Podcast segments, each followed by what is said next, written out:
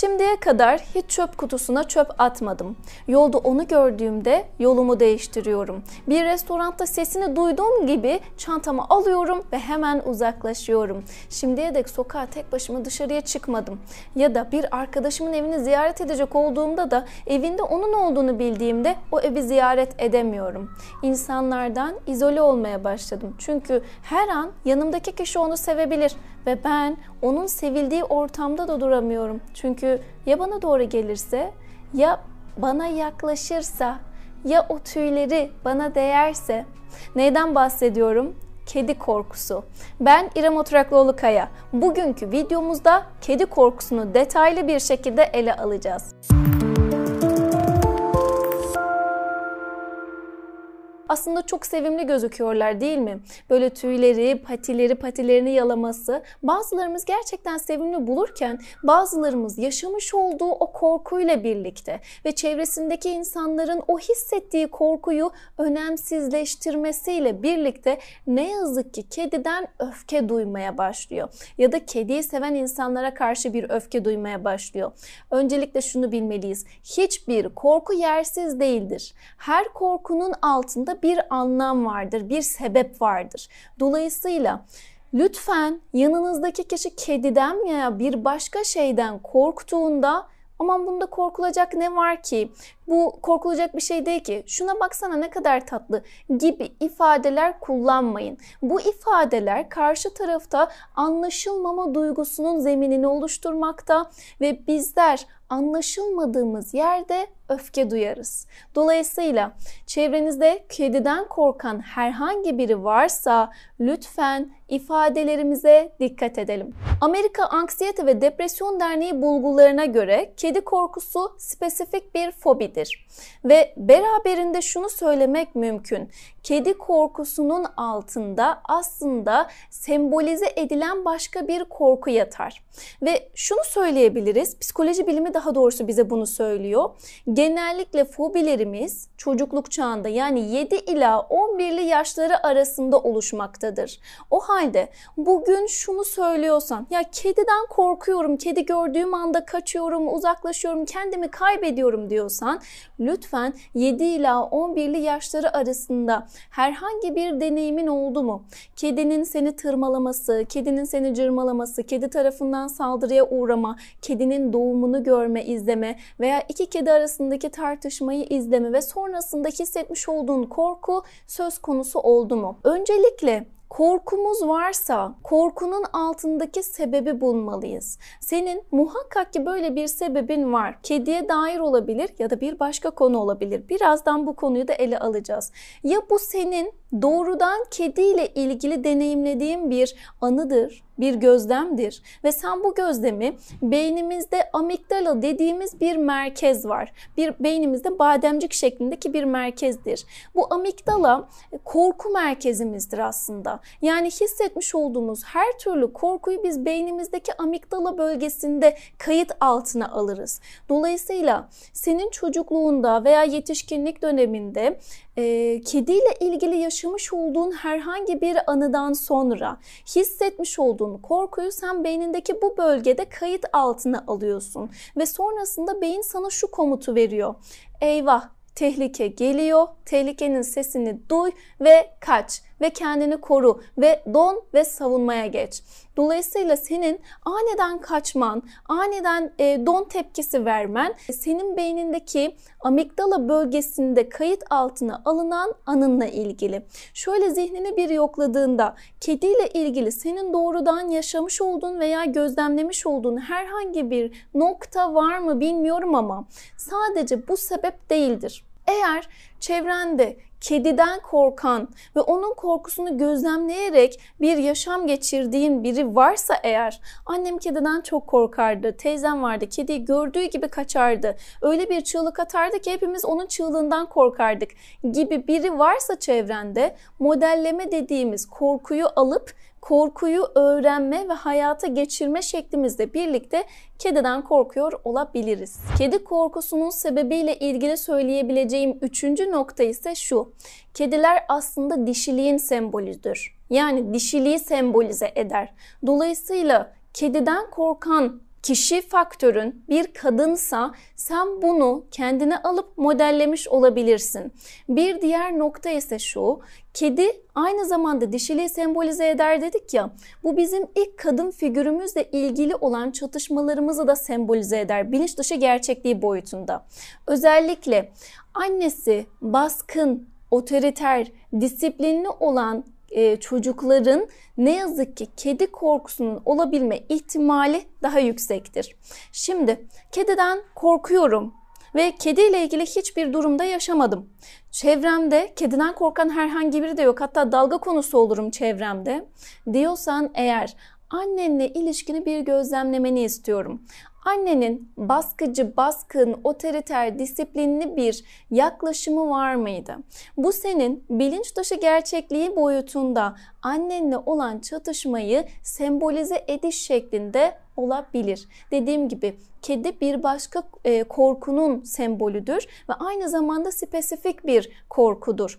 Dolayısıyla bu anne de olabilir, bu başka bir çatışmayı da sembolize edebilir. Sevgili dostlar, korkular söz konusu olduğunda bildiğimiz bir gerçek var. Korkularımızın ne kadar çok üzerine gidersek, üzerine düşersek o kadar çok korkumuzla barışabiliriz. Yani ne demek istiyorum?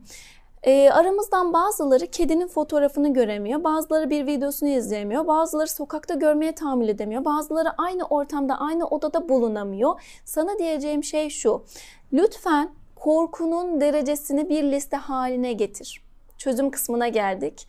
E, korkunun derecelerini bir e, liste haline getir. Eğer ki sen bugün fotoğrafına dahi bakamıyorsan lütfen bunu da bir listeye yaz. Sonrasında tüm bu listeyi oluşturduktan sonra işte fotoğrafına bakmak, videosunu izlemek e, ya da işte bir odada bulunmak, sokakta aynı ortamda bulunmak, e, ona dokunmak, birisinin kucağındayken dokunmak, kendi kucağımdayken dokunmak gibi bir hiyerarşik sıralama oluşturmanı istiyorum. Biz buna bilişsel davranışçı terapide maruz bırakma ve sistematik duyarsızlaştırma diyoruz. Bu tekniklerle birlikte kediye ne kadar çok yakınlaşırsan yakınlaştığında seni tırmalamadığını, cırmalamadığını, sana saldırıya e, saldırıya uğramadığını ve kedinin senin için bir tehlike olmadığını fark edeceksin. Dolayısıyla kediye karşı zihninde geliştirdiğin tehlike algısı, amigdalanda yer alan korkunun şiddeti senin düşündüğün veya hissettiğin gibi olmadığını deneyimlemiş olacaksın.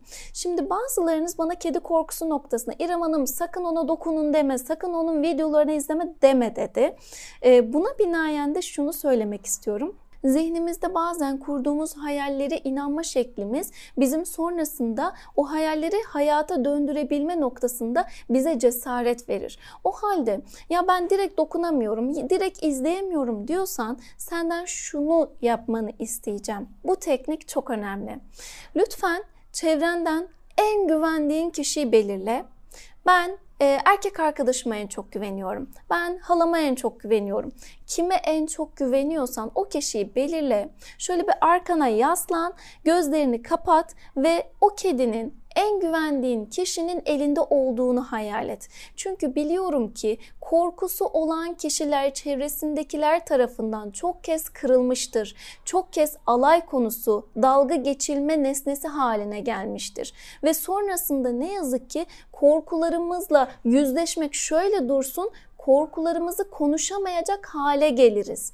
Bu yüzden bu çalışmayı en güvendiğin kişiyle yapmalısın. Zihninde en güvendiğin kişiyi belirledin ve lütfen o kişinin elinde kedinin olduğunu düşünün. En güvendiğiniz kişi elindeki kediyi böyle bir seviyor. Hani böyle kulaklarının arasından şöyle böyle uzunca bir seviyor. Lütfen bunu hayalini kurun.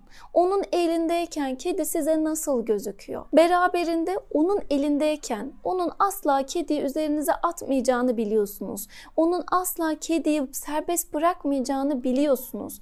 Dolayısıyla en güvendiğiniz kişinin elindeyken sizin de onu böyle dokunduğunuzu, böyle sevdiğinizi, tüylerine değdiğinizi hayal edin. Unutmayın sevgili dostlar. Birisine sarılmak, tüylü bir canlıyı hissetmek beraberinde oksitosin hormonu salgılatır. Bu da mutluluk hormonudur. Aslında kedilerle birlikte de çok rahat bir şekilde mutluluğumuzu arttırabilecekken biz bazen korkularımızın şiddetini besliyoruz. Dolayısıyla biz bugünden sonra mutluluğumuzun seviyesini arttıralım derim ve bu yüzden hayal kurma çalışmasıyla birlikte e, kediye daha çok yaklaşabiliriz ya da kedi korkumuzu yenebiliriz. Bir başka çalışma olarak da şunu yapabilirsiniz. Her gün evinizde bir kedinin var olduğunu böyle hayal ederek yaşayın. Yani nasıl? Ee, sabah uyandınız 5 dakika kadar şimdi evimde kedi olsaydı böyle terliğimin tam yanında olurdu. Sonrasında ben yürürdüm. O da benim peşimden gelirdi. Sonra ben dişlerimi fırçalayıp çıkardım. O beni banyonun başında beklerdi. Kapısında beklerdi. Sonra çıkardık beraber kahvaltı hazırlardık. Onun yemini verirdim. Bunun hayalini kurun. Akşam tekrar bunun hayalini kurun. Ya da siz işteyken o ne yapardı? Bunun hayalini kurun. Evinizde sanki bir kedi varmış gibi bir imajinasyon çalışması daha yapın yapmanızı istiyorum. Ve sizden bir başka imajinasyon çalışması daha yapmanızı isteyeceğim.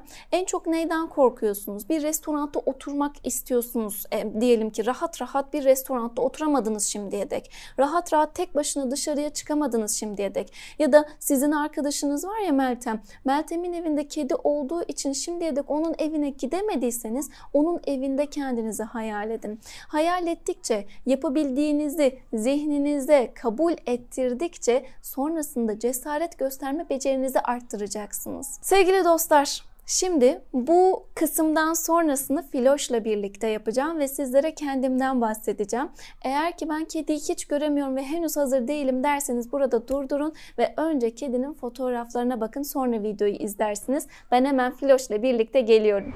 Şimdi teyzeleri, halaları, amcaları Filoş geldi ama Filoş kucakta durmayı çok sevmiyor. Şimdi birazdan Filoş'u tekrar alacağım. Filoş benim erkek kardeşimin e, çocuğu, kedisi. Şimdi e, Filoş eve ilk geldiğinde yavruydu ve ben Filoş'tan inanılmaz derecede korkuyordum. Filoş'un bir de çocukken şöyle bir hareketi vardı. Patilerini böyle elinin çenesinin altına alıyordu ve hop diye bana doğru sıçrıyordu. Ben ondan korktuğum için biraz olsa gerek. Ve sonrasında biz Filoş'la çok iyi anlaştık değil mi halacığım? Filoş'la çok iyi anlaştık. Şu an gerçekten benim her şeyim. Yani o kadar çok seviyorum ki onu. Onu o kadar çok seviyorum ki bir el salla, bir el salla ama sevmiyor. Şu anda da tüy döküyor böyle birazcık ne yazık ki e, kızgınlık döneminde. E, ben Filoş'la olan korkumu onun üzerine giderek yendim. Yani bir gün e, daha doğrusu eşim ve ailesinin geleceği gün evde tek başınayken onlara yemek hazırlamak zorundayken Filoş'la da baş başaydık. Ve o ortamda ne yazık ki böyle bir korkumun aşırı üzerine gitmek zorunda kaldım. Gerçi ne yazık ki demem yanlış oldu çünkü şu anda gerçekten inanılmaz seviyorum. Ama o zamanları hani böyle bir öfke nöbetleri geçiriyordum neredeyse. Alın şunu bakın bana fırlıyor fırlıyor bana zıplıyor bakın ne tırnağı var onun şeklinde düşünüyordum. Demem o ki ben yaptıysam siz de yapabilirsiniz. Filoş çok tatlı. Filoş'un arkadaşları da bir o kadar tatlı. Size demiyorum ki siz de evinize alın. Hemen sonrasında alışıyorsunuz. Ben bir haftada alıştım. Ee, gerçekten benim için inanılmaz güzel bir e, haftaydı ve sonrası da keza aynı şekilde. Ancak bu korkuyla yaşamak çok zor. Sosyal hayatım kısıtlanıyor diyorsanız eğer lütfen üzerine gidin ve siz de bu duyguyu yaşayın. Filoş'u gerçekten çok seviyorum. Bu videonun fotoğrafı da Filoş'la birlikte olsun. Korkunun üzerine giden herkese de cesaret olsun. Beni dinlediğiniz için sizlere çok teşekkür ederim. Her zaman olduğu gibi sevgiyle kalmayı unutmayın.